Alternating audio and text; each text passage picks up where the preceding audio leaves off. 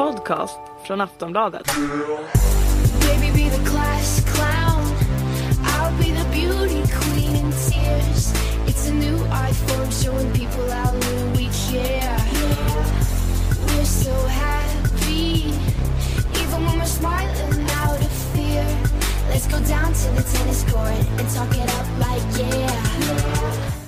Du lyssnar på Sportbladets tennispodd med mig Henrik Ståhl och Andreas Käck.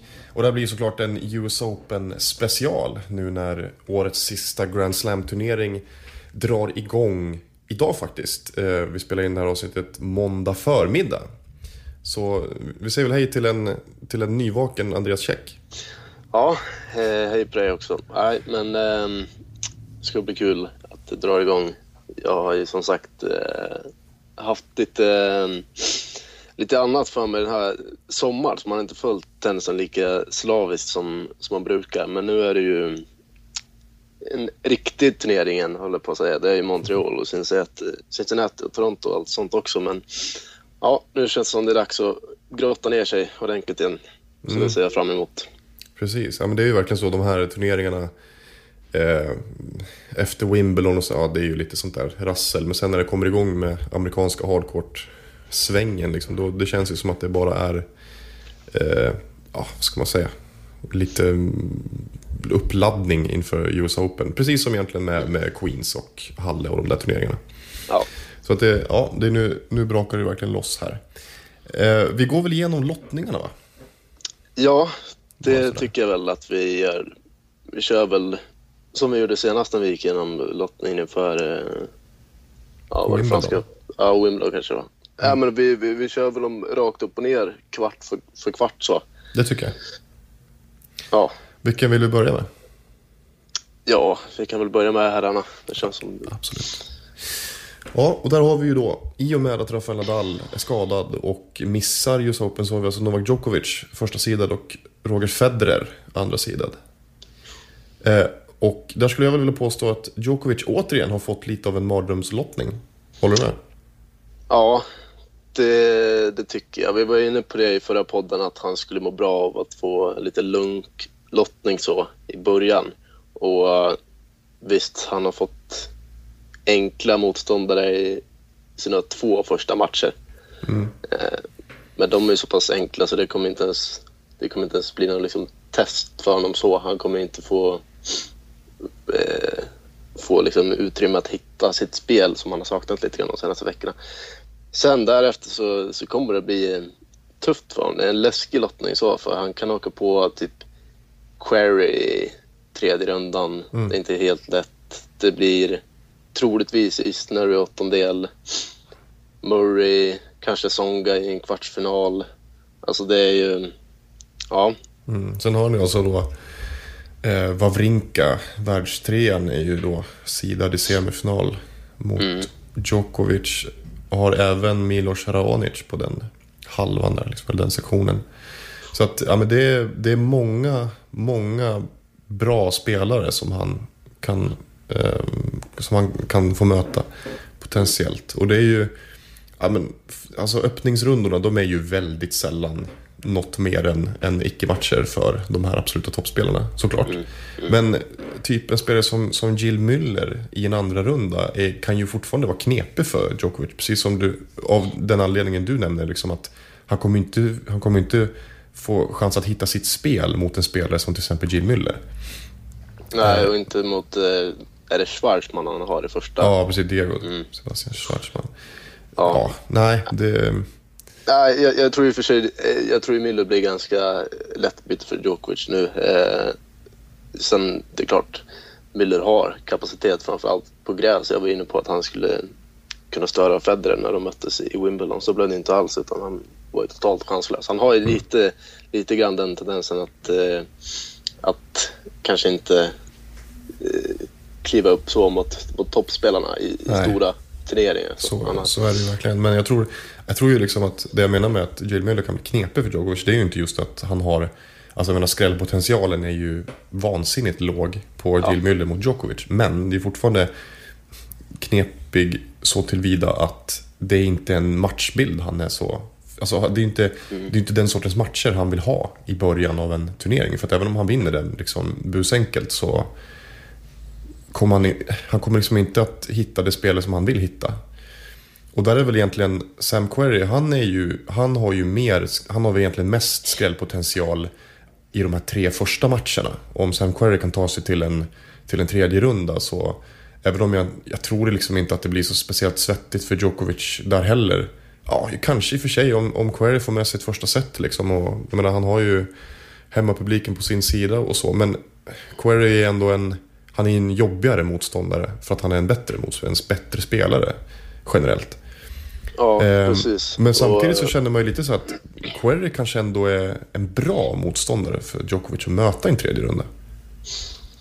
Mm, jag vet inte om jag håller med. Jag tycker väl att Query är väl eh, ganska freewheeling så. Det är liksom, det smäller när han spelar tennis. Det, det, han har en hård serve och han har eh, lite grann det här, eh, inte omdömeslösa spelet, men han, han är ju inte den som eh, konstruerar poänger så, utan han, han pangar på.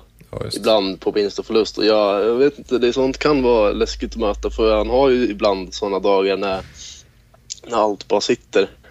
Eh, sen är det ju, sen ska du göra det i, ja förmodligen fem set då om man ska slå Djokovic.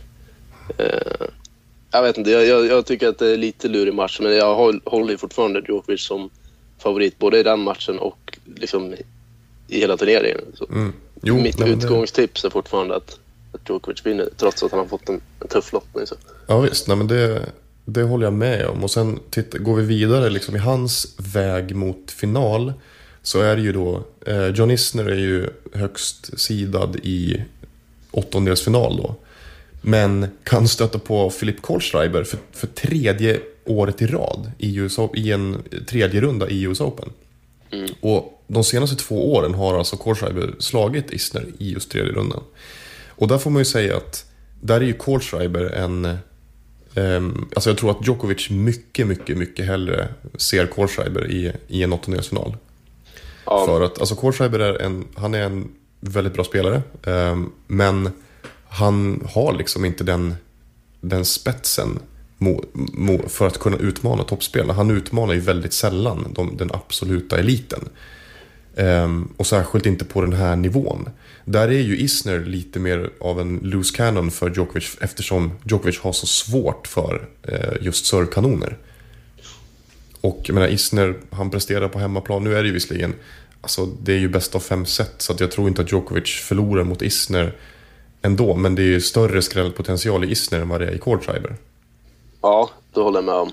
Eh, Kohlschreiber är en riktigt bra spelare. Och, men som du säger har ju Isner fler vapen så eh, kan man tycka. Men det, det är lite grann det här jag var inne på också att eh, Djokovic trivs nog rätt bra med att gå upp mot Kohlschreiber. För Kohlschreiber är en riktigt bra bollare så men man vet att i slutändan så, så kommer han ha extremt svårt att liksom montera ner Djokovic. Mm.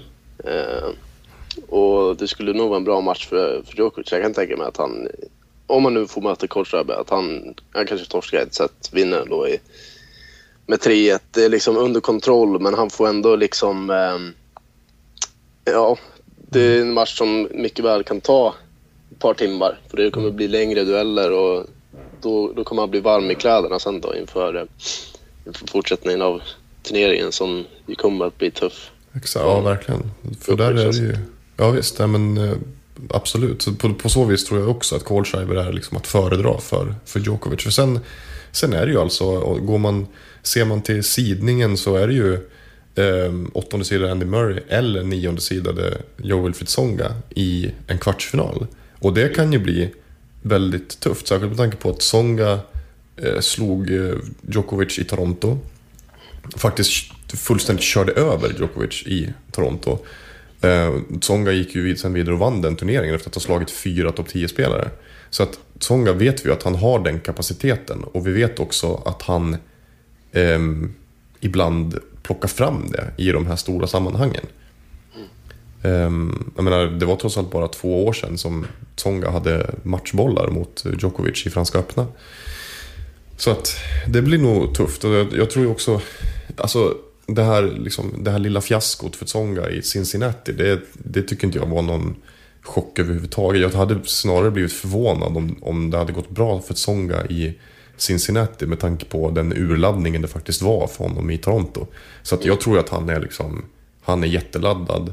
Och som du var inne på också i förra podden, att så här, nu har ni fått så här, lite extra vila och lite extra tid att faktiskt träna och förbereda sig och träna in sig på banorna liksom på Flushing Meadows. Så att eh, jag, jag vill ju verkligen höja ett varningens finger för Tsonga. För jag tycker att en match mellan, alltså en, liksom en, en åttondelsfinal mellan Tsonga och Murray. Där, där håller ju inte jag Murray som en självklar favorit.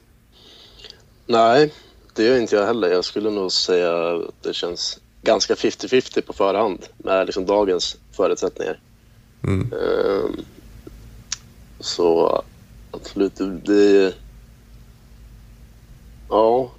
Nej, jag, jag har svårt att, att hitta en favorit. 50-50 känner jag. Vad, men du tänker att Songa kanske är lite Eh. förhandsfavorit? Ja, alltså för att så, så som jag tänker det är ju dels att så Andy Murray har ju inte gett oss några som helst indikationer på att han är på väg ur sin svacka i Toronto och Cincinnati. Där han inte spelade så speciellt bra. Han kan ju, han kan ju spela stundtals briljant tennis eh, fortfarande. Men, men han har inte soliditeten och jämnheten. Och det är ju för att alltså, han har ju haft stora bekymmer efter ryggoperationen. Så är det ju. Det, det, där han har blixtrat till ordentligt, det är ju liksom under grusvåren. Eh, och jag menar, han spelade ju inte dåligt i Wimbledon fram till eh, kvarten mot Dimitrov. Det var tvärtom, han spelade jättebra fram till kvarten mot Dimitrov. Men ser man på hans resultat på hardcourt i år så är det ju inte mycket att hänga i julgranen.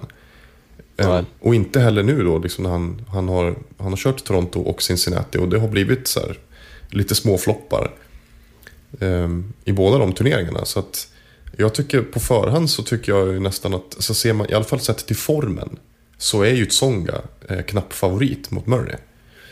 Det tycker jag. Eh, Sen är det ju liksom, sen får man ju se till, kollar man historik och statistik. Jag menar Murray har ju liksom, ja det var fyra år sedan han missade en kvartsfinal i Grand Slam-sammanhang. Så han har ju ett, ett fantastiskt track record. Liksom. Det, sånt ska man också baka in i det på något vis. Men, men Tsonga vet ju att han kan slå de här spelarna. Så att, och han vet att han kan slå Murray och han vet att han kan slå Murray enkelt. Som han gjorde i, i Toronto. Så, ja. Ja, nej, intressant. Det känns väl eh, spontant som att Murray är ju eh, den som har fått tuffast lottning. Det är det inte så jävla konstigt egentligen med tanke på att han är sidad åtta. Och det är ju hans eget fel om man ska vara krass så. Men vadå? Det, han är inte sidad åtta för att, för att eh, det är någon som liksom bråkar med honom och sätter sidningen. Det, nu är det ju liksom inom citationstecken den rättvisa sidningen. Det är ingen så här att, ja, som jag har i Wimbledon, att det tas i beaktning hur, hur bra man har varit på gräs de senaste åren. Utan nu är det verkligen så här ser, ser liksom sidningen ut utifrån hur året har varit. Mm. Och är man då åtta då kan man ju kliva på sådana här minor som Murray har, har gjort nu då. Och, vilket innebär Songa i åttondelsfinal, Mm. Novak Djokovic i kvartsfinal. Det är liksom Ja, visst. värre än så går det ju knappt att få. Om man Nej. är kvartsfinalsida. Liksom. Så, ja, men så, så är det ju verkligen. Man får väl, Tsonga är ju absolut den, den tuffaste spelaren att få i en åttondelsfinal. Skulle jag vilja påstå. Av de här sidade spelarna. Ehm, ja, men eh, ja, man, man tackar ju inte nej till en, till en kvartsfinal mellan Djokovic och Tsonga och inte heller en mellan Djokovic och Murray. Så att på så vis, det är ju kul för oss. Ja, absolut. Sen eh, om vi eh, vandrar neråt lite grann här. Då har vi ju alltså Wawrinka eh, mot Raonic i, enligt, eh, enligt sidningen då. Och eh, alltså det är ju inte jättetuffa lottningar för, för de här spelarna. Vill jag påstå. Jag vet inte, jag, jag skulle vilja säga att jag tycker att Jiri Vesely i en första runda mot Wawrinka. Det känns inte liksom, alltså jag tycker det är en lite jobbig öppningsmatch för Wawrinka. Särskilt med tanke på att Wawrinka, han kan vara trögstartad. Jag menar, han, han åkte ju på pisk mot Guillermo Garcia Lopez i första rundan i Franska öppna. Jag menar, då kan han absolut åka på en, en stjärnsmäll här mot Vesely. Så, alltså inte för att det, på förhand så känns det ju kanske inte så sannolikt, men, men eh, ja, det finns, jag tycker ändå det finns en, en liten skrällpotential i Vesely där, beroende på liksom hur, hur Wawrinka, hur han uppträder. För han har ju, han har ju inte imponerat överhuvudtaget nu i Toronto och Cincinnati. Nej, men så är det. Nej, jag misstänkte att det skulle, att det skulle ta upp det. Eh, Mm. Med tanke på att du gillar Wesley rätt mycket. Eh, men jag, jag håller med dig. Det är, det är absolut ingen lätt match att få direkt. så-. Eh, utgår väl ändå från att han tar sig vidare från den och Mm. sen är det ju i stort sett bara rak sträcka fram till, eh, fram till kvartsfinal. Så som jag ser det i alla fall. Jag, Ja, jag har svårt att hitta någon som ska slut på Brinka liksom. Nej, men det, det håller jag absolut med om. Jeremy Chardy, liksom, han kan ju han kan ju blixtra till ibland, men det ska inte räcka på den här nivån mot Nej, Wawrinka. Alltså, grejen, grejen som det är nu att Wawrinka kan ju förlora mot i stort sett vem som helst om han har dåliga dagar. Så. Men, eh, och visst, han har varit i, i dålig form ganska, ganska länge, men eh, om man tar det liksom match för match så, så eh, kommer han ju vara stor favorit i alla sina matcher fram till semifinal. Mm. Jo, visst. Nej, men Eller det, ja, kan, kanske inte, får han Raonic i, kvarten så kommer han vara favorit, men han kommer inte vara stor favorit. Men ändå. nej, nej, men precis. Och där, eh, ja, alltså. Det känns väl, ja men jag visst, ja, men jag håller med. Jag tror ju inte... Tommy Robredo, han har ju spelat bra. Han spelade ju liksom bra i US Open förra året, tog sig till kvartsfinal. Men i år, alltså han har ju inte gjort någon jättebra säsong i år. Det var ju starkt att gå till semifinal i, i Cincinnati. Men jag tror inte att han har någonting att sätta emot Wawrinka i, eh, i US Open. Däremot eh, Nick Kyrgios, som vi har pratat mycket om. Eh, där skulle jag vilja påstå att alltså, Mikhail Jusjny, som är 21-sidad, han måste ju ha fått... Kan inte det här vara den absolut svåraste öppningsrundan för en sidad spelare i US Open på här sidan? Ja, ja kanske. Ja, men absolut. Man vet ju vad Kyrgios kan. Sen är det frågan Mm. om eh, hur han står då. Om han levererar liksom. Och så. Ja, Mm. precis. Eh, Men ja, men annars är- så är det ju inte så många hot mot Wawrinka förrän just då i en kvart. Och då är det ju framförallt Milos Raonic man tänker på. I vanliga fall så hade man ju lyft fram Kei Nishikori. Men det tycker inte jag att man kan göra nu för att han, han plågas fortfarande av sin skada och han har själv gått ut och sagt eh, att eh, han har gått ut och sagt i japansk media att han inte känner sig fit inför US Open. Han känner sig inte hundraprocentig. Så att han hade till och med liksom vaga funderingar på att stå över. Men han, eftersom han känner sig ändå spelklar så spelar han såklart US Open. Men alltså, man kan inte ha så höga förväntningar på honom. Nu har ju han en, en ganska enkel lottning fram till Raonic i åttondelen då. Möjligen har jag, kan jag tycka att Jack Sock i en andra runda kan ju ställa till det för honom. Ehm, för att om, om Nishikori inte, liksom, inte är hundraprocentig och spelar lite halvkackigt mot Odesnik medan Jack Sock kanske spelar jättebra. Ja, det är klart att det kan bli tufft för honom. Ja. Ja, det här hade jag missat faktiskt. Att han har gått ut och sagt att han inte känner sig helt redo än. Mm. Eh, men eh, det är väl egentligen inte oväntat så. Han har ju varit borta väldigt länge. Jag var inne på det i senaste podden att han kommer ju åtminstone utvilad till US Open. Men Mm. eh, han kommer inte vara eh, så varm i kläderna om man säger så. Nej, precis. Och sen om han fortfarande känner sig hämmad av sin skada så nej, då, då lär det ju bli Raonic i Mm. kvartsfinal. Och det var väl egentligen stalltipset innan jag hörde det här om Nishikori också. Men då Jo, var, visst. väl, då var jag ändå inne lite grann på att kanske, kanske ändå att Nishikori ska kunna komma in och, och störa. Ja, det, man, man får ju se det. Vet man ju inte. Det, han kanske liksom bara hittar Men det som talar emot Nishikori det är nog, ser vi till till exempel Wimbledon. Han var ju inte 100% i Wimbledon heller. Och vilket han gick ut och sa då med, att han inte var. Och där, ja han tog ett set mot Raonic men det var ändå en väldigt kontrollerad seger för kanadensaren, det måste man säga. Och det kändes verkligen på förhand som att så Nishikori, han kommer inte orka ta det här för att eh, Nishikori är ju ändå en sån spelare som att han behöver spela om inte på sin absoluta topp så i alla fall i närheten av sin topp för att kunna ha genomslagskraft. Ehm, och dessutom är det i bästa av fem set, det är ju mycket mer fysiskt krävande. Så att om han inte känner sig helt, helt fysiskt fit, ah, då är det ju... ah, Det är, det är, det är inget bra. Nej. Så ja, men det är ju Raonic där, stalltipset, tycker man ju. Och då, Ja. då är frågan, vad, vem tror du... Alltså en match mellan Wawrinka och Raonic, hur tror du att den slutar? Eh, jag tror att den slutar kanske 3-1 till Wawrinka. Eh, men det är också så svårt för här är det ju lite grann så att det är upp till Wawrinka. Eh, är han i form? Vi, har ju sett tidigare år vad han kan göra i US Open. Han var, nära på att slå Novak Djokovic. Det var för, förra året va? Nej, förra året. Ja, det var förra året. Se, semifinalen förra, han har ju 2-1 i set. Mm, ja, just det. Det.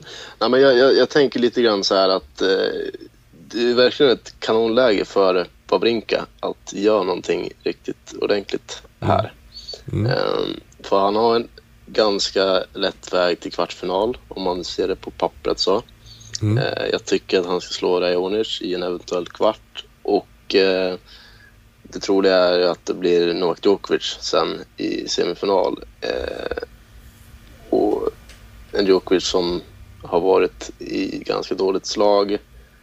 En Djokovic som har en lite svår lottning, framförallt i åttondelen där. Det är inte liksom helt säkert att det, att det blir Djokovic i, i semi. Alltså det, det finns en liten öppning här för Wawrinka att ta sig hela vägen till final. Jag tror ju till exempel Wawrinka är säkert nöjd över att vara på den halvan.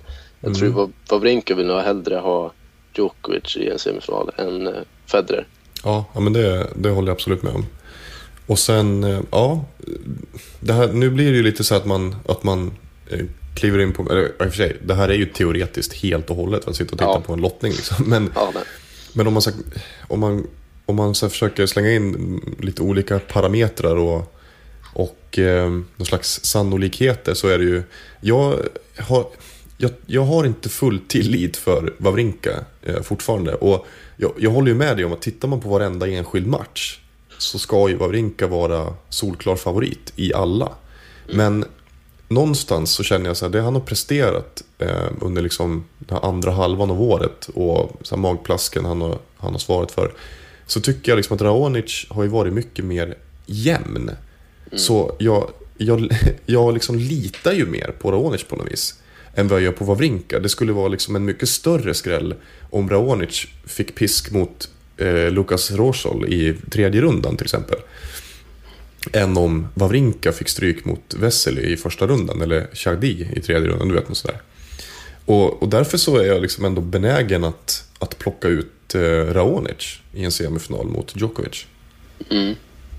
Ja, absolut. Det är inget dumt tänkt alls. Eh, och det är väl klart att det, det grundar sig mycket på att Wawrinka har sett så, så risig ut. Och jag är också lite orolig för att eh, det ska skita sig nu igen. Jag, jag bara tänker liksom att han i grund och botten är en så pass bra spelare och han borde liksom kunna ta sig samman nu. Det är årets sista Grand Slam. Han har ju liksom en jättechans att eh, ja, han har en bra chans att ta sig hela vägen till, till final. Och, ja, jag vet inte. Det är lite svårt. Jag bara tänker att han, eh, han tar sig själv samman och eh, går till semi, säger jag. Tors, torskar en jämn match mot eh, Djokovic. Om vi skulle su- summera ihop den här övre halvan så jag linar mot eh, Djokovic Wawrinka i semi. Mm. Och, och så får vi någon slags repris från förra året då att eh, Wawrinka pressar eh, Djokovic Mm. ordentligt. Men att Djokovic vinner. Eh, Jag är inne på, jag liksom håller helt och hållet med dig i det vi pratade om förra, i förra podden. Att Wawrinka är ju den som på pappret och som i teorin har absolut bäst chans av utmanarna att slå Federer eller, eller Djokovic.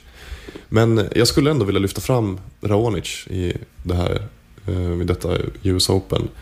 Och jag ser det inte som jag ser det inte som fullkomligt osannolikt att han skulle kunna skrälla sig fram till sin första Grand Slam-final. Även om jag någonstans tror att vi kommer få vänta ett tag till på att Raonic tar sig, tar sig till en, en Grand Slam-final. Så ja, jag tycker inte det känns helt, eh, helt liksom omöjligt.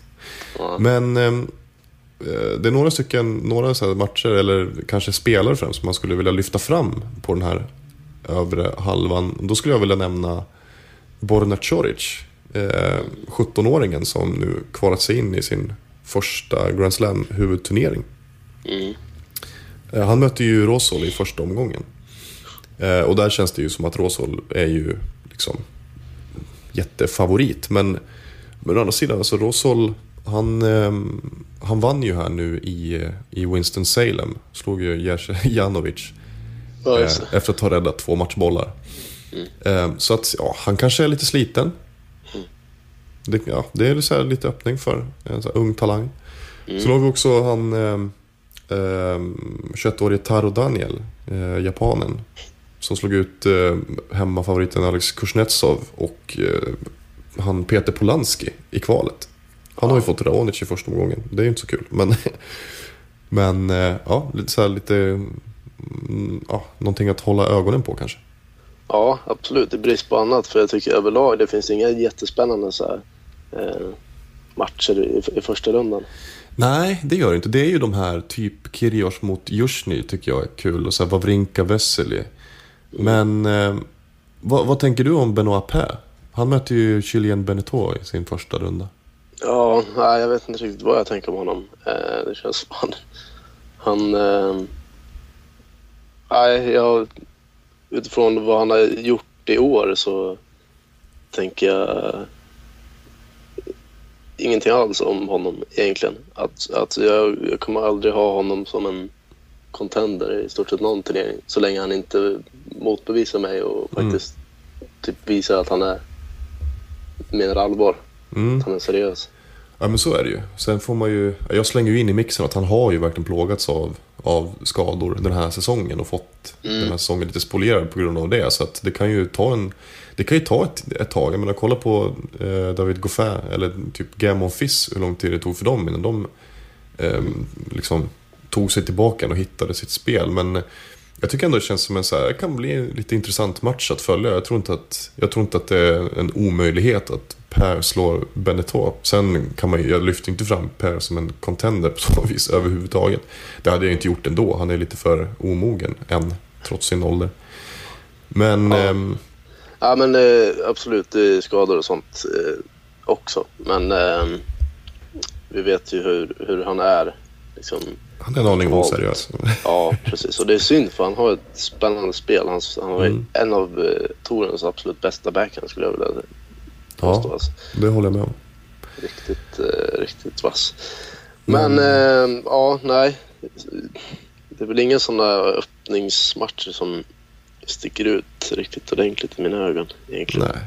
Gillar man eh, serven volley så får man ju så får man väl bänka sig om nu den matchen en, en spelar. Jag tror inte den kommer spelas på en eh, på en, den spelar säkert på en jätteliten bana men, men eh, Michel Lodra mot eh, Daniel Gimeno Traver. Lodra han, han slutar ju efter den här säsongen. Eh, typ den sista liksom utpräglade serven volley-spelaren på touren nästan. Mm. Han har väl spelat mest dubbel den här säsongen. Ja, Eller- precis. Han, har inte, han gick ju ut redan inför Franska öppna och sa att han skulle, att han skulle lägga av efter den här säsongen. Att han ger det liksom, det blir ju typ hans... Eh, ja, han skulle ge allt för att liksom göra en bra säsong, men sen slutar han vid årets slut. Mm. Mm. Vi har ju eh, Berdych Hewitt i första omgången. Då får vi ju Det, kom, komma ner till den kvart, kvarten. Mm. Om vi ska analysera. Exakt. Den, den är ju okej, det får man ju lov att säga. Ja, det känns som en potentiellt bra match. Liksom. Mm. Ja, vad... Nej, men vi förflyttar oss ner till, till den eh, kvarten av, eh, av lottningen då, helt enkelt. Mm. Den som är mellan Ferrer och Berders i första hand. Men där det också I finns... kvart, ja, precis. Ja, precis. Där det också finns ehm, sp- spelare som ehm, kan störa. Mm. Vi har Gulbus där, vi har kanske framförallt Silic, om han hittar någonting. Det här är ju, just den här eh, lilla, liksom, den här kvarten är ju lite av ett getingbo faktiskt. Mm. För vi har ju Berdych i väldigt dålig form, som dessutom möter Hewitt i första rundan. Och jag menar, det är inte som att Hewitt är en, en, liksom en Grand Slam-utmanare. Alltså han är inte en titelutmanare, det är han inte längre. Men han är fortfarande en spelare som sidade spelare inte vill ha i en första runda. Eh, sen kan ju Berdych stöta på Steve Darcis eller Martin Klijan i andra runda. Det är inte heller oävna spelare på något sätt. Eh, som sagt, som du nämnde, vi har Gulbis som Berdych kan få i en åttondel. Och Gulbis i sin tur, han kan ju råka ut för Feliciano Lopez i tredje rundan. Mm. Det är liksom potentiellt väldigt bra matchups här. Dessutom har vi ju Dominic Thiem. Han möter ju Lukas Latchko i sin första runda. Och det kan ju, vinner han den, då kan det ju bli Gulbis mot Thiem i andra rundan. Mm. Det är kul. Mm. Ja, det vore kul faktiskt. Men eh, Cilic, vad du inne på? Ja, jag vet inte, någon slags magkänsla här, men eh, han är också lite svåranalyserad för det är mycket upp och ner. Har varit så i alla fall den här säsongen. Mm. Men eh, ja, han kommer ju i så fall behöva slå uh, Ferrer va? i en åttondel. Exakt. För det är där han är. Ja, just det. Och han har Bajtatis i sin första. Ja, och han har Kevin Anderson i en eventuell tredje runda också. Så att, Mm. Ja, eller möjligtvis Janovic. Mm. Lite grann på nytt för Janovic. Eh, precis. Ja, det är inte helt lätt. Det är det inte. Nej.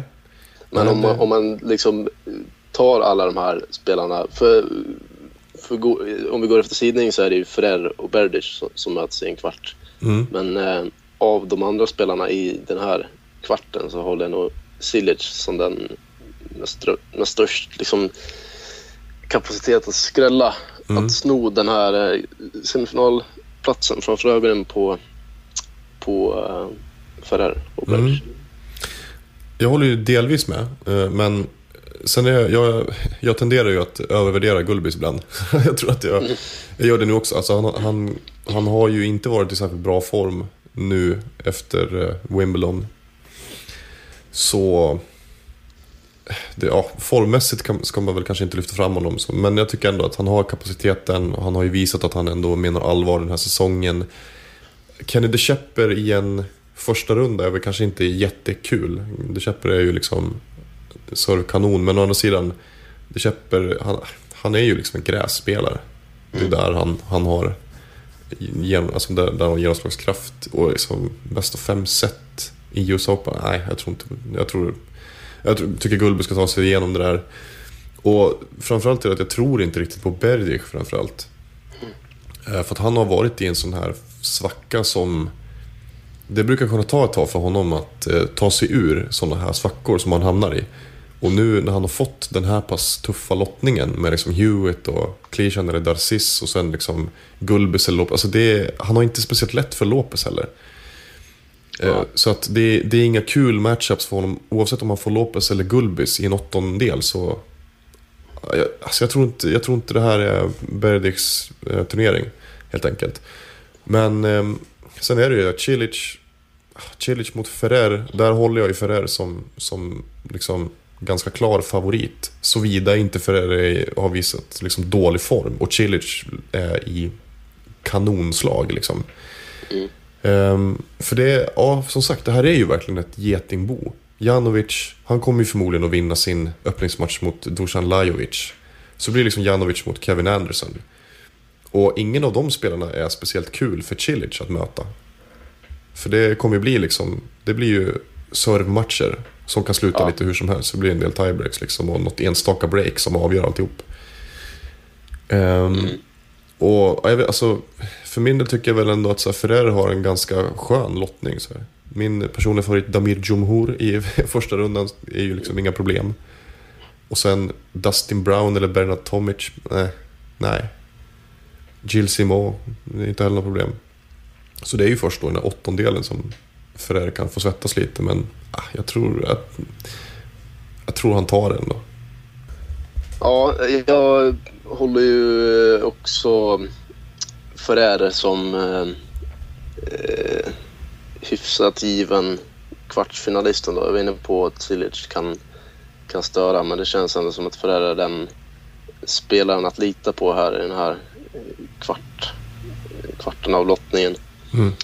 Och eh, med tanke på att Berdych har ett par luriga motståndare på vägen och att han inte riktigt är i form så känns det ju som att Ferrer på förhand är den som tar sig vidare till eh, semifinal och det tror jag att Federer i så fall är ganska nöjd med om Mm. det nu blir så att han tar sig till semi, vilket jag också tror att han gör. För jag Ja, tror ju just. Federer vill ju mycket hellre ha Ferrer än Berdych i en semi. Tänker jag i alla fall. Ja, det kän- jo, men jag, jag håller med absolut. Och där skulle, jag väl, där skulle man väl vilja säga att Berdych och Gulbis är, är liksom de sista Federer vill ha i den där semin. Ferrer däremot kan han ju slå med liksom ena handen bakbunden. Ja, nästan. Så, eh, vilket inte vore så konstigt i och för sig eftersom han har en enhandspatta. Backhand. Men ja, ja, hur som helst. Ehm, eh, så, ja men Ferrer är väl ändå stalltipset i och med att han har en så pass han har så pass bra lottning ändå, så trots som vi sa, det, det är väldigt många bra spelare här. Men alltså Ferrers resa fram till, till åttondel är inte särskilt tuff. Liksom, förutom, alltså, eller ja, fram till åttondelen är inte så tuff. Ehm, och Berdych i dålig form. Gulbis väldigt um, oförutsägbar. Lopez brukar inte kunna... Alltså, han kan ju ta sig en bit in men sen så sen räcker det inte till för honom. Ehm, ja, men så där är vi ju helt överens egentligen. Och sen kommer vi ner till Federer som du tippade i semifinal också. Det gör jag med för att han har ju fått värsta räkmacka till lottning får man säga. Ja, det tycker jag. Nej, nej men absolut. Det är Matosevic och eh, Grott och Karlovic, några servkanoner som kan vara lite luriga. Men å andra sidan har ju Federer eh, ganska lätt mot servkanoner. Så. Precis. Och det är väl inte något motstånd att snacka om heller i en, i en åttondel. Vilka kan han få där? Typ Fonini Ja, kanske? det är, ja, precis. Fonin om man går efter lottningen. Sen är det ju Roberto Batista Agut. Och liksom, ingen av dem ska ju kunna... Alltså, ingen av dem ska kunna slå Federer på pappret. Ja, precis. Nej, men det är ju... Här känns det ju rätt givet, tycker jag, att blir det Federer Dimitrov i kvartsfinal och det är också... Det vill man ju verkligen ska hända. Det kan ju potentiellt sett bli en eh, galet bra match. Mm. Ja, eh, jag, jag tror inte det. Att Nej. det blir en galet bra match. Jag tror liksom...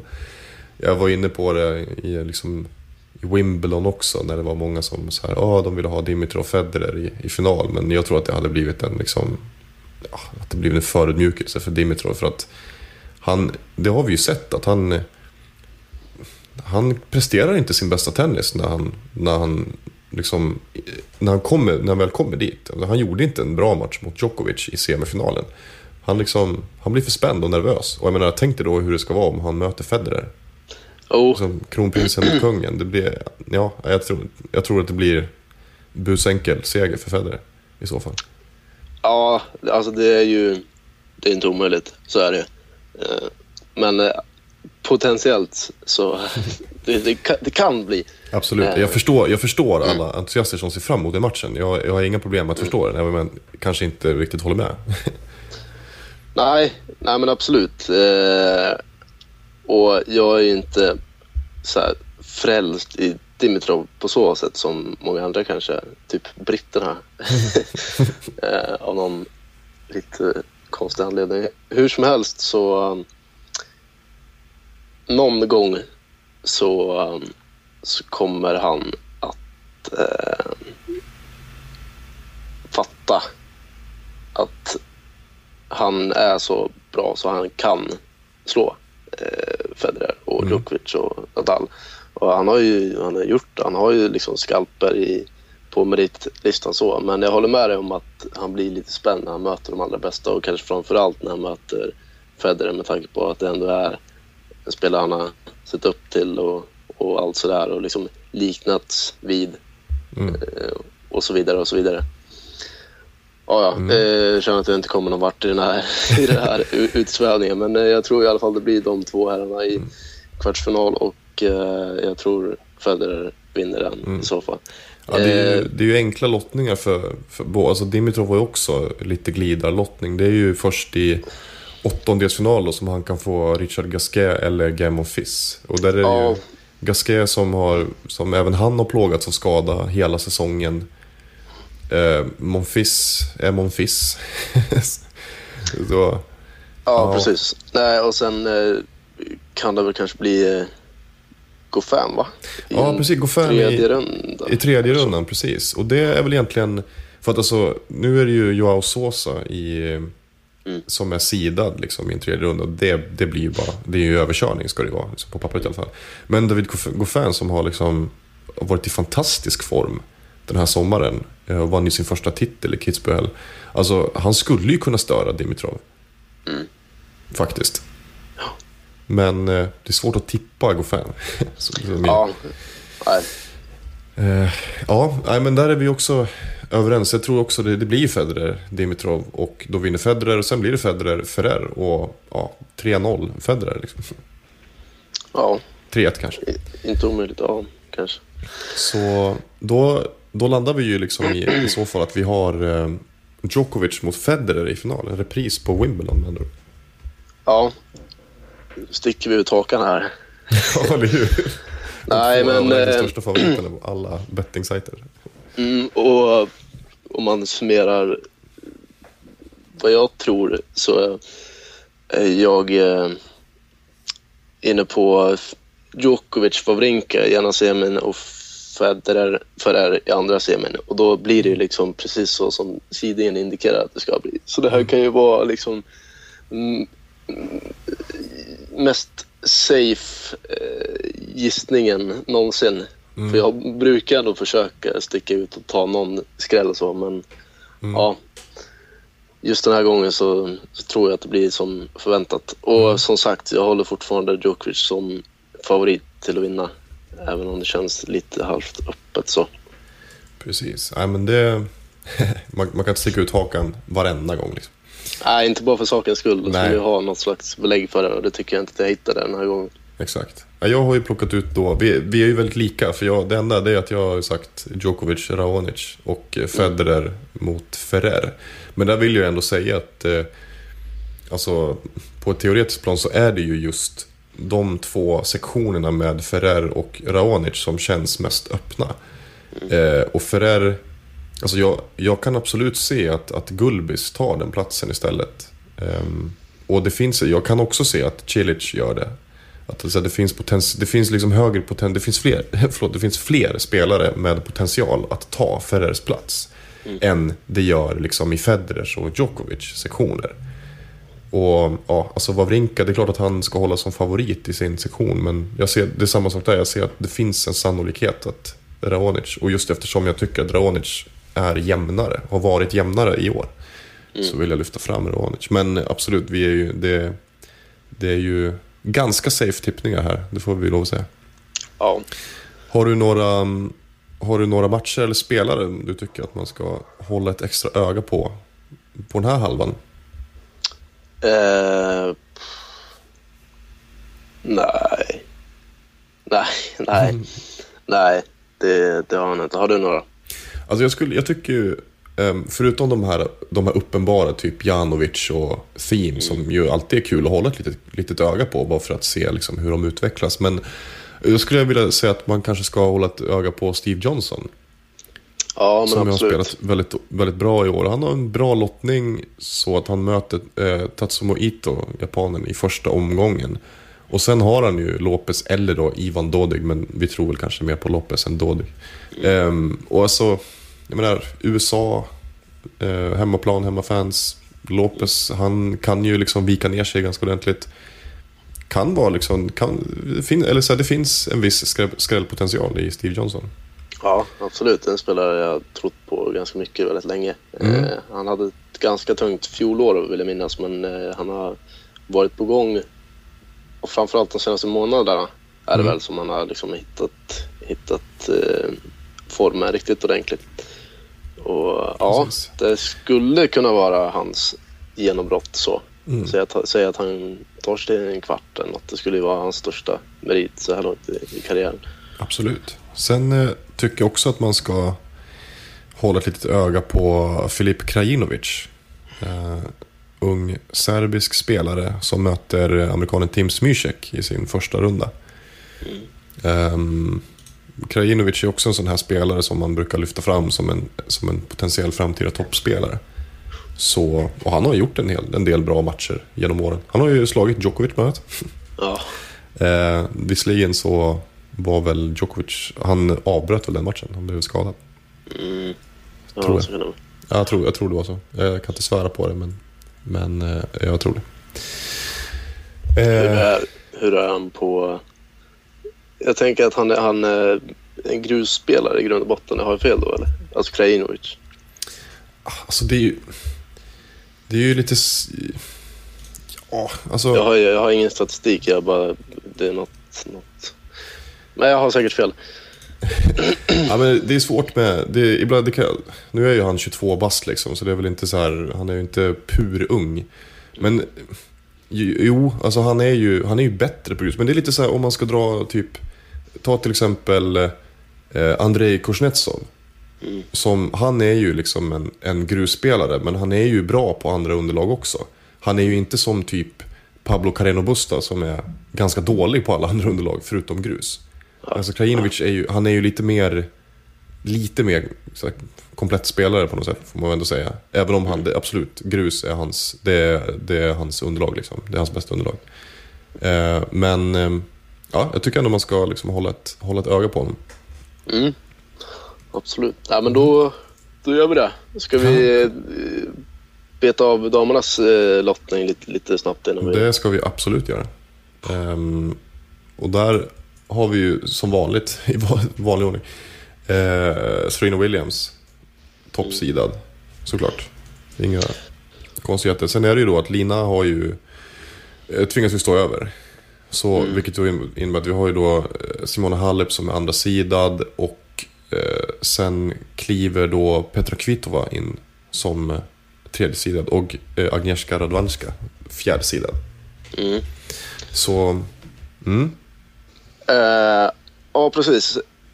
Jag kan väl spontant känna att jag tycker lite synd om eh, köra på faktiskt. För nu har ju hon, både i Wimbledon och Franska öppna så var hon ju eh, på samma halva som Serena. Mm. Hon har ju undvikit den halvan nu.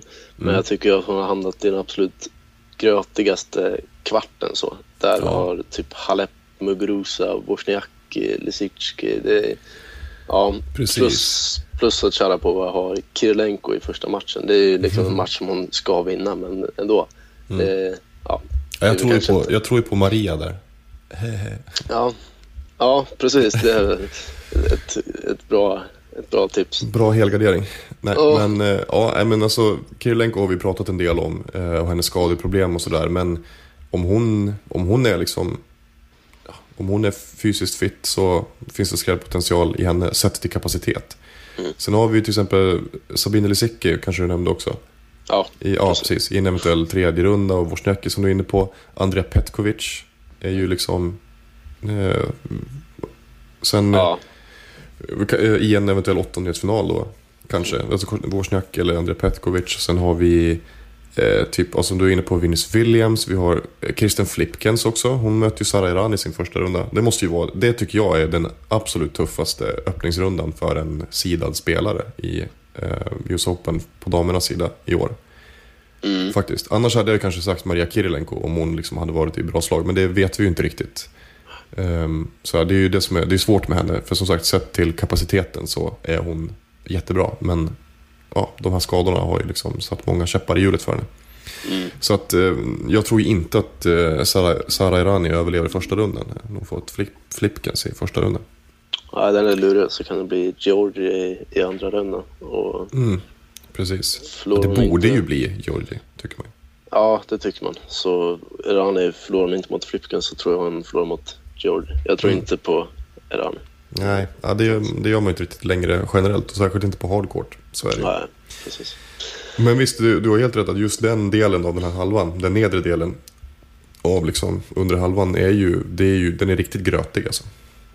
Ja, det är den. Ska vi kanske börja från den änden då? Så det får någon Ja, slags... Eh, så går vi uppåt sen, för det blir, det, blir ju, det blir ju lite klarare ju högre upp man kommer. ja, precis. Ja, Eh, då börjar vi underifrån. Ja, nej men det, det är som sagt lite av ett getingbo där och eh, ska vi gå efter sidning så blir det ju Halep. Mm. Eh, och du vet ju hur jag är, jag brukar aldrig lyfta fram Halep så i förhandstips. Du gör ju det ofta, jag Ja. gör det inte så ofta. Men nu hade jag faktiskt tänkt att göra det. Eh, Mm. Så jag hoppas att det är okej för eh, det kan ju bli så att jag jinxar Halep nu. Ja, precis. Nej, men kör hårt. Ja, nej, men jag, jag tycker ändå att hon är... Hon är så jäkla stabil liksom. Och um, det här är ju en kvart där det är lite grann så här alla kan slå alla. Liksom. Mm. Wozniacki, Lisicki, Petkovic. Det är, ja, alla, de, alla de kan ju slå Sharapova. Mm. Liksom, det, så är det bara. Mm. Uh, men det är ändå en spelare som sticker ut sett till så här jämnhet så det tycker jag ändå Halep. Mm. Ja, så Mm. det, det, det är mitt tips från den kvarten. Vad, vad säger du? Jag, jag håller med helt och hållet. För att jag, när, det, när det är såna här... Det är egentligen li- det är lite samma...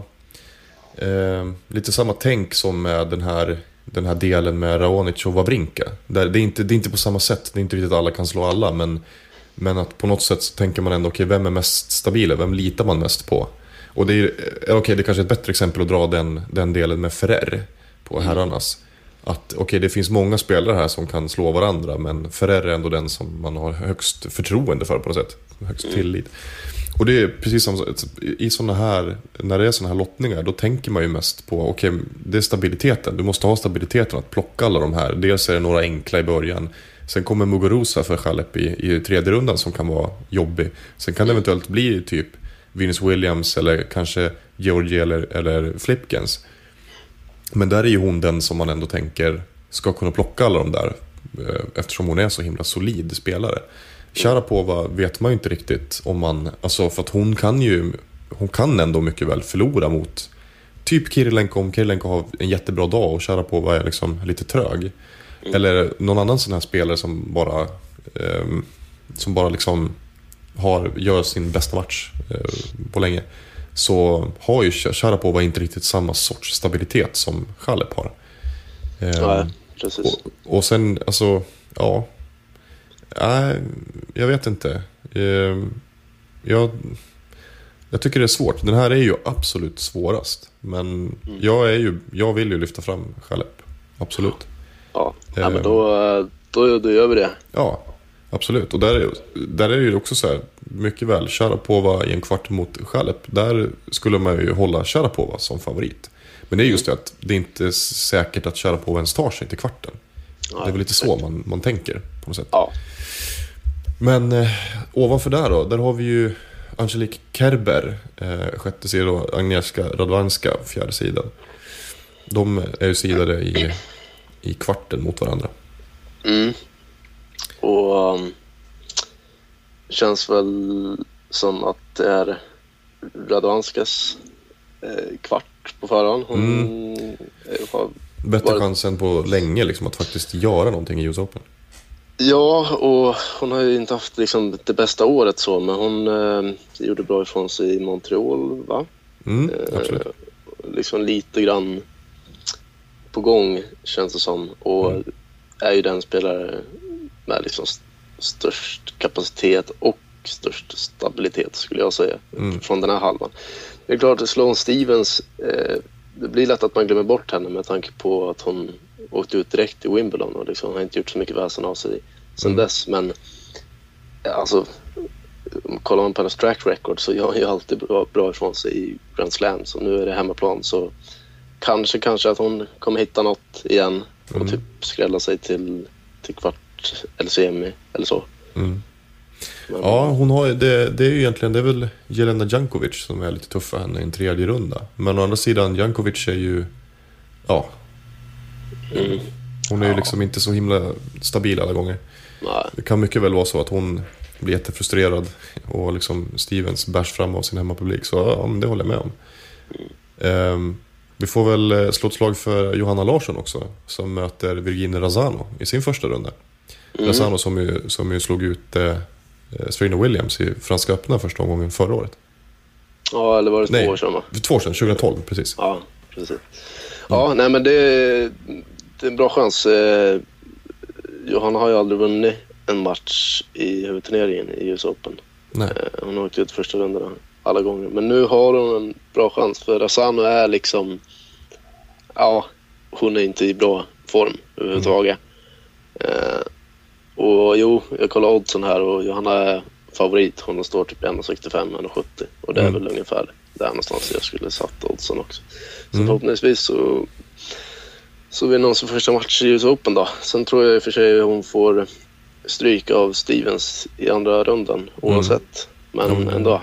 Det tror jag också. Sofia Arvidsson åkte ut i kvalet förresten. Det kan vi bara nämna, men det var ingen, det var ingen skräll. Nej. Nej, visst.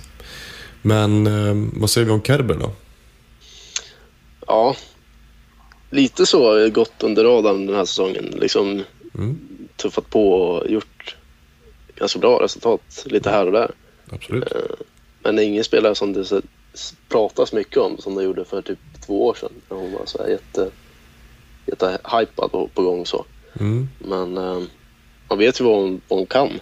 Och eh, liksom eh, den matchupen eh, som är i kvartsfinal eh, sätter sidningen då Kerber Radvanska så där känns det ganska öppet ändå tycker jag. Även om jag, jag, jag tror som sagt på Radvanska men ja. Nej, men jag håller med. Det, det är väldigt intressant med Kerber att en så pass högt, eh, högt rankad spelare kan liksom glida under radarn på något sätt. Mm. Eh, för då var ju framförallt där liksom 2012 som hon liksom höjdes till skyarna. Sen, alltså hon hade ju en dipp, absolut en dipp 2013 som vi har varit inne på många gånger också. Men, men det var ju aldrig så att alltså, hon ramlade ju inte ur topp 20. Så hon ramlade ur topp 10 en sväng.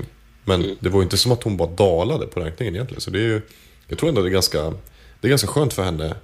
Det är väl lite som med, med Wawrinka också. Eh, Det som ändå talar för Wawrinka i US Open och det är just hans dåliga resultat i Toronto och Cincinnati. Hur liksom ologiskt den kan, kan låta. Eftersom att han då inte kommer ha samma högt ställda förväntningar på sig. Mm. Som han hade i Franska öppna. Eh, Det såg vi i Wimbledon. Där kunde han ju liksom bara slappna av och, och spela sitt spel. För att liksom, det var, han hade inte den pressen på sig. Men eh, Kerber, absolut. Jag menar, där känns det ju också som att jag är ju benägen att hålla Kerber som favorit både mot Jankovic och Stevens. Såklart beroende på liksom, vad, för, vad för slags form de visar upp i de här inledande matcherna. Men hon har ju väldigt enkel, ehm, enkel lottning. Så, och eh, ja, det är väl så här, ska man som höja någon varningens finger för Radvanska, då är ju det eventuellt typ Alice Cornet eller Lucy Safarova i, i en åttondel, men, men de är ju inte så pålitliga.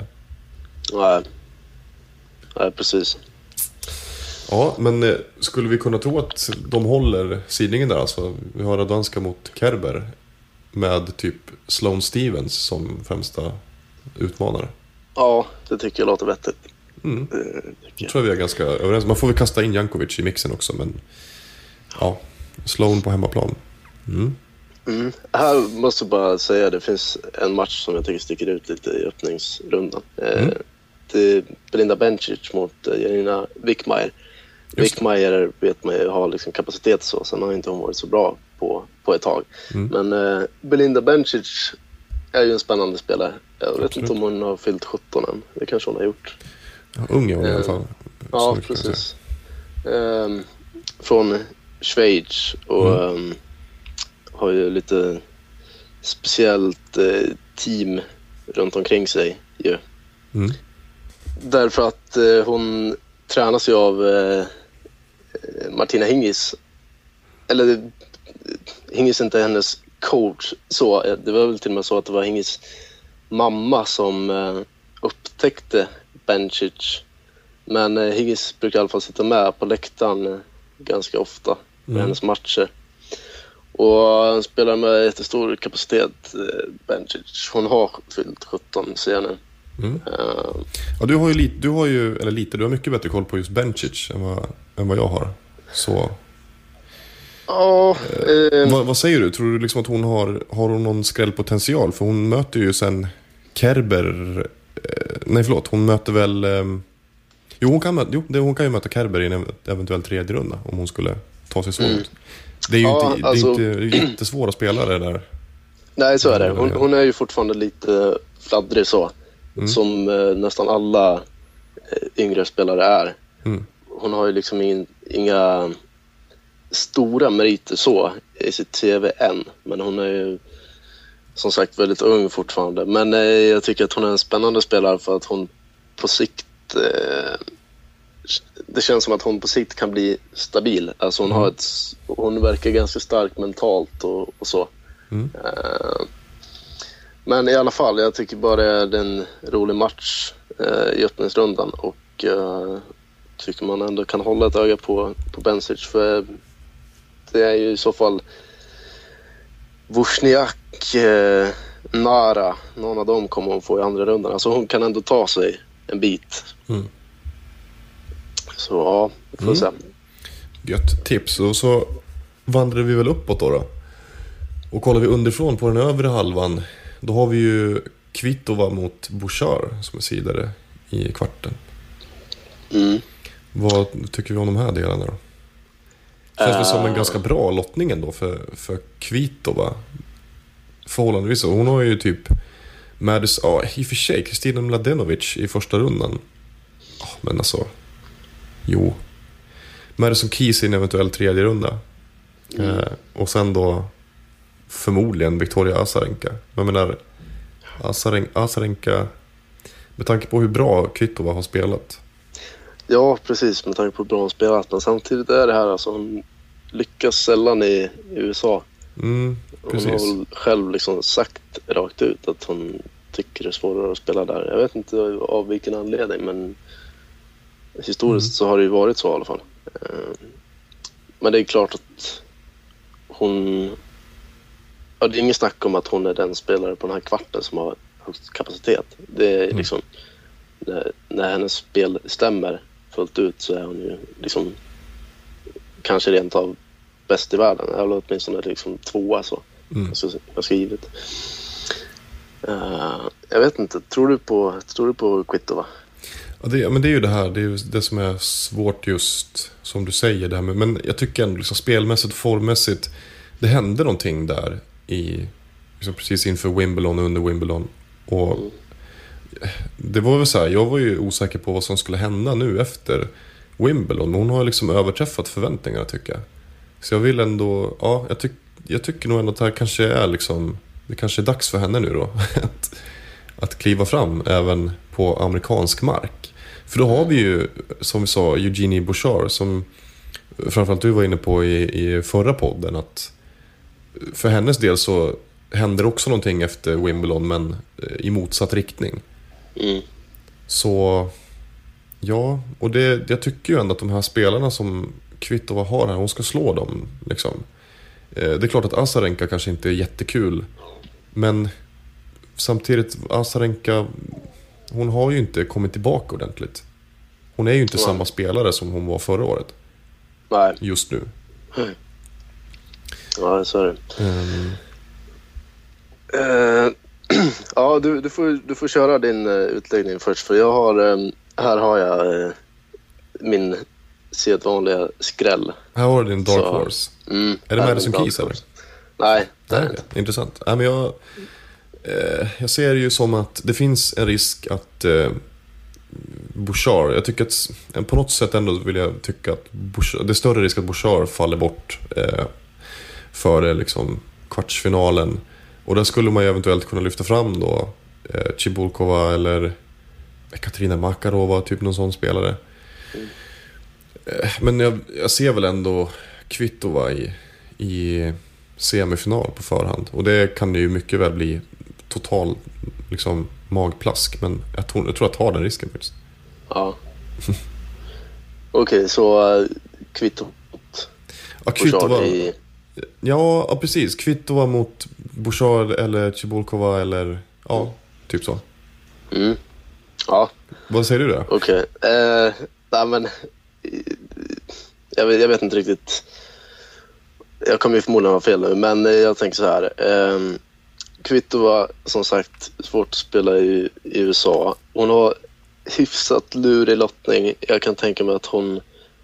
Teoretiskt så... Ja, Mladenovic borde hon ju slå, men det är ingen lätt öppningsmatch. Sen Nej, det. Madison Keys i en tredje runda, den kan bli svår. Mm. Eh, och sen kanske då Azarenka, då är det så här att Azarenka är ju inte i form alls överhuvudtaget. Men hon har ju fortfarande så här att hon kan ju slå Kvitova. Mm. Sen Absolut. tror inte jag på Azarenka på sikt.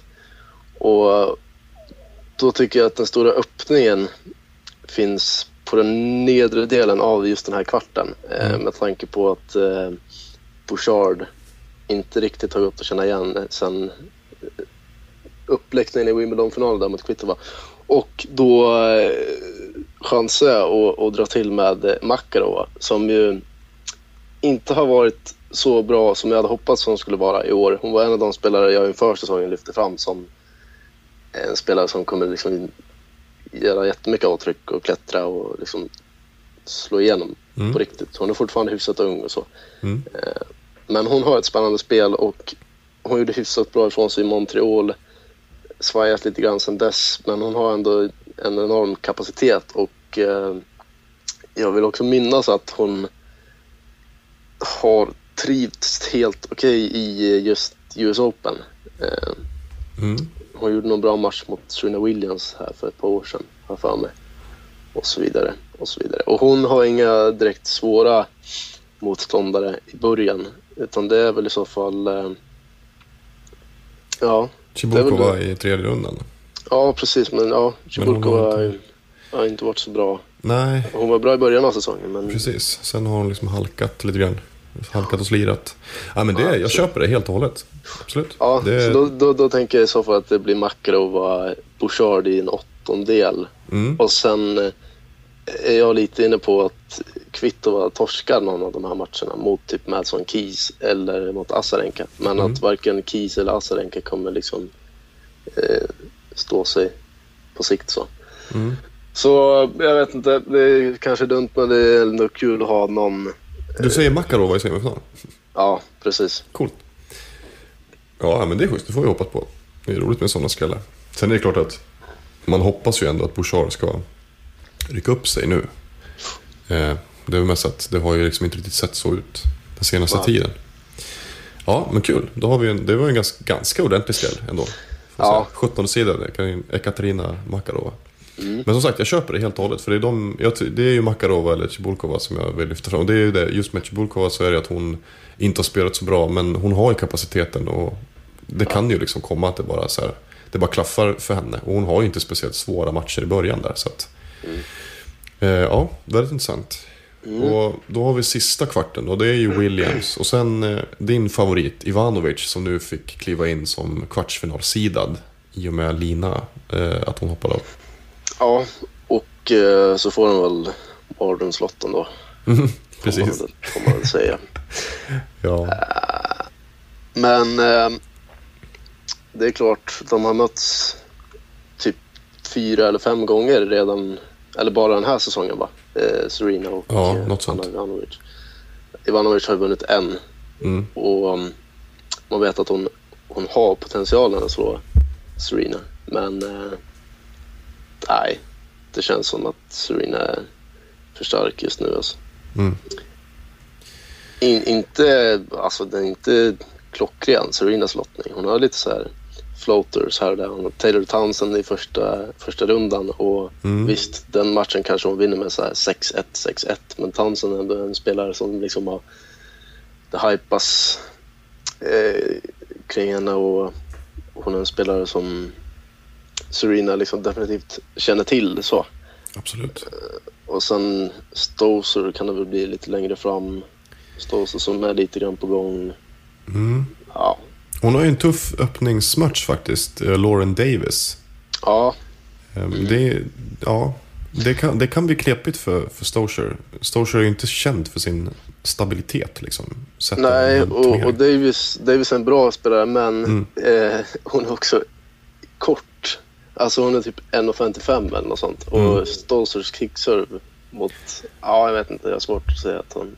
Ja, ja, Stosur, ja det är sant. Stosur har ju faktiskt en av Torens bästa andra servar. Och det är tack vare den där enorma kicken hon får till.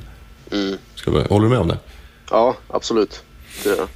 Eh, ja visst, sen är det ju, vi har ju också Carla Suarez Navarro. Eh, Som, som liksom 15 sida där. Och Hon mötte ju Ayla Tomiljanovic. Eh, nu har ju inte hon liksom gjort så mycket väsen av sig eh, de senaste månaderna. Men det kan vara lite kul öppningsmatch ändå. Men Suarez Navarro är ju inte ett unikum på hardcourt. Eller på snabb hardcourt liksom. Mm. Eh, ja, men jag tycker väl ändå någonstans att Williams... Ja, Townsend, kul öppningsmatch, men det är klart att Williams ska, ska ta det enkelt, som du säger. Och sen, jag vet inte, jag tror inte Stosur eh, rår på eh, Williams. Jag är inte så säker på att Stosur tar sig så långt som till en åttondel, men jag tror inte hon rår på Williams. Så då är det ju, då är det ju liksom vem Williams får möta i kvarten. Och eh, det känns ju, enligt den här lottningen, då ska det ju vara Anna Ivanovic. ja, Tycker du inte det? Jo, det, det tycker jag. Det finns ju liksom ingen spelare här som man tänker, ja, oj, den här blir jobbig. Liksom.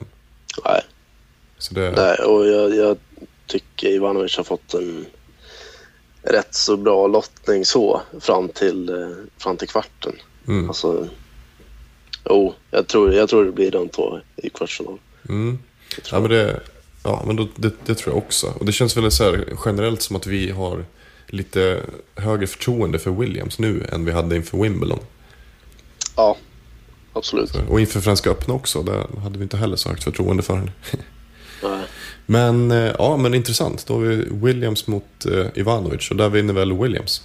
Ja, Mm. det tror jag. Och eh, då säger du alltså Williams mot Makarova i semin, Mm. med andra ord. Och jag säger väl Williams Kvitova. Det kanske är också så att jag gärna vill se den matchen som jag säger också. Jag vill Ja. ha Kvitova mot Williams, för där är det så här att Kvitova, om hon har en bra dag och gjort några så här riktigt bra resultat i turneringen, då kan hon ju faktiskt slå Williams. Och det vore ju skithäftigt ändå. Ja, absolut. Eh, ja, men det, vad säger du om ditt stalltips att Williams tar sig till final? Eller? Ja, det är det. Eh, och sen i den andra semifinalen så har jag väl eh, den franska Halep, tror jag. Mm. Och jag, jag tror att det blir Serena Halep i, i final. Ja, ja, jag delar den analysen helt och fullt. Sen så tycker jag ju som att Kvitova ändå, så här, har, skulle hon ta sig så långt som till en semi mot Williams så har hon absolut skrällpotential. På samma sätt som att liksom, självklart så får man ju kasta in Sharapova i, i, i mixen på något sätt. Men det är väl också, jag håller med dig om att liksom Radwanska mot, mot Chalep, även om jag kan se att Kerber eh, norpar den där semifinalplatsen från Radwanska. För Radwanska är, hon, hon är ju historiskt, har inte gjort så bra resultat i US Open just. US Open är inte riktigt hennes, men det där kan ju liksom ändra sig snabbt. Medan Kerber har gjort väldigt bra resultat i USA, liksom, eller på amerikansk mark annars. Även i, liksom, och i US Open. Så ja, Chalep mot Radwanska eller eh, Kerber. Och Ja. jag håller ändå med om, om Williams Chalep och där blir det ju Williams i så fall som tar det tror jag. Jag tror, inte Mm. att, eh, jag tror tyvärr inte att Chalep rår på Williams i en final eh, på Williams hemmaplan. Nej, jag håller med. Det känns, om man, om man kollar liksom på, på sidningen så, Mm. eh, så vi har Serena etta, Halep tvåa. Mm. Eh, men alltså Halep är väl egentligen den enklaste motståndaren för Serena av alla spelare som är sidade topp 8 skulle jag säga. Ja, faktiskt. Ja, det är väl Radwanska i och för sig. Jag tror jag nog är ännu lättare för henne. Ja, okej, ja kanske. Men eh, ja, precis. Men eh, man tänker liksom Kvitova, Sharapova, Kerber, Mm. Gini, Bouchard, Ivanovic. Alla de är svårare för Serena för de är mer... Ja, det, det, det smäller lite mer och, Precis. och det, det kan hända mer saker. Men ehm, jag tror ju ändå Haleps stabilitet kommer ta henne hela vägen till final. Men ja, som Mm. sagt, jag tror inte att hon har, har något att sätta emot där i finalen, Mm. tyvärr. Ja, intressant. Då är vi väl då är vi klara med lottningen ju. Ja, Ja. kan ju bara... En eh, sak till jag såg här på den övre halvan. En till öppningsmatch som jag tycker man borde se. Mm. För jag antar att de kommer lägga den på en hyfsat bra bana. Eh, Coco van de Wege, amerikanska, Precis. hyfsat ung som... Hon har väl en titel och jag tror hon vann i Stanford förra året eller något sånt. Mm. Och, och, och, lite av ett hemmahopp för dem i USA så därför tänker jag att de borde lägga den matchen på en hyfsat bra bana. För det är Donna Vekic hon möter och Donna Precis. Vekic är ju spännande. Ja, absolut. Nej, men det, jag håller med. Det, där, det kan bli en bra match. Hur gammal är hon, Donna? Är hon 17 eller? 16 eller 17, men jag skulle tro 17 va? Ja, hon har fyllt 18 tydligen. Va? Hon fyllde år eller? Det låter sjukt. Hon är född 96. Ja, kan man vara 18 år då? Ja, för, ja, precis. Hon är född i juni 96. Så. Ja, just det. Men eh, ja, hon är ju jättespännande spelare. Har typ 10 sponsorer redan fast Mm. hon är så ung. Eh, vunnit så här, lite här och där och, och sånt. Precis. Tror hon har haft, tror hon har haft lite skador eh, ett tag. Men eh, ja, ska, henne ska man men ha det- lite, lite koll på också. Ja, visst. Och Van de Wee, hon är ju typ 22, så hon är ju inte... Hon är ju rätt så ung hon också och ändå. Nu har hon ju liksom inte riktigt... Hon har inte slagit igenom ordentligt, men hon, hon har ju gjort en del bra resultat. Hon har potential liksom. Så att det kan ju ändå vara eh, liksom en match mellan... Eller det är en match mellan två potentiella toppspelare i framtiden. Mm. Mm, så det är bra spottat där. Ja. Eh, jag vet inte, ska vi, ska vi slänga in en sån här härlig liten cliffhanger också? Jag tänker om vi ska pusha lite grann för vår fina nördkollen som, ju inte har, som vi inte har haft nu de senaste avsnitten. ja, just det. Men nu har vi ju eh, långtgående planer på, på riktigt härliga nördkollar. Eh, och jag tänker att nästa gång så eh, kan vi köra en nördkoll på den här eh, New York Times-enkäten. New York Times gjorde en jättestor sammanställning när de hade en enkät med en massa eh, före detta liksom, och aktiva tennisspelare och coacher och, och journalister och allt möjligt som fick utse de bästa slagen i tennis. Både på herr och damsidan. Liksom. Bästa forehand, bästa backhand, bästa serve och så vidare. Eh, Jag tänker att vi kan, i nästa poddavsnitt så kan vi gå igenom den här listan och sen så eh, ger vi våra synpunkter på det. Så kan vi försöka få våra kära lyssnare att komma in med sina, med sina egna synpunkter. Ja, jag kan väl eh, kommentera någonstans på, på din blogg redan nu om de har några sådana eh, favoritslag. Exakt. Eller på Twitter. Ja, Men det blir väl en härlig avrundning på Tennispodden avsnitt 26 nu då. Att vi slår ett slag för nästa eh, avsnitts nördkoll. Mm. Kanon. Så får vi se om det händer något. Eh, Djokovic bryter benet i mitten av turneringen så kanske vi gör någon blixtpodd men annars så får de väl hålla ut i nästan två veckor skulle jag tro. Eller kör vi någon så halvtidsgrej. Ja, för, ja, det kan ju vara kul. Om vi, får vi till en halvtidspodd så, så kör vi på det. Inför, eh, inför typ eh, ja, åttondelen eller kvartarna kanske. något där. Mm. Vi kan ju sikta på det i alla fall. Vi siktar på det. Därmed sätter vi punkt för den här gången. Du har lyssnat på Tennispodden med eh, Henrik Ståhl och Andreas Käck.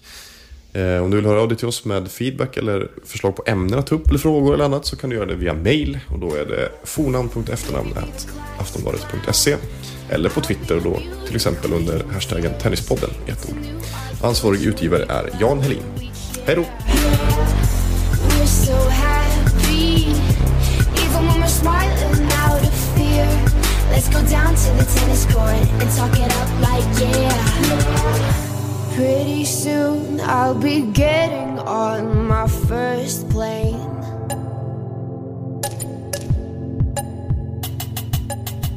I'll see the veins.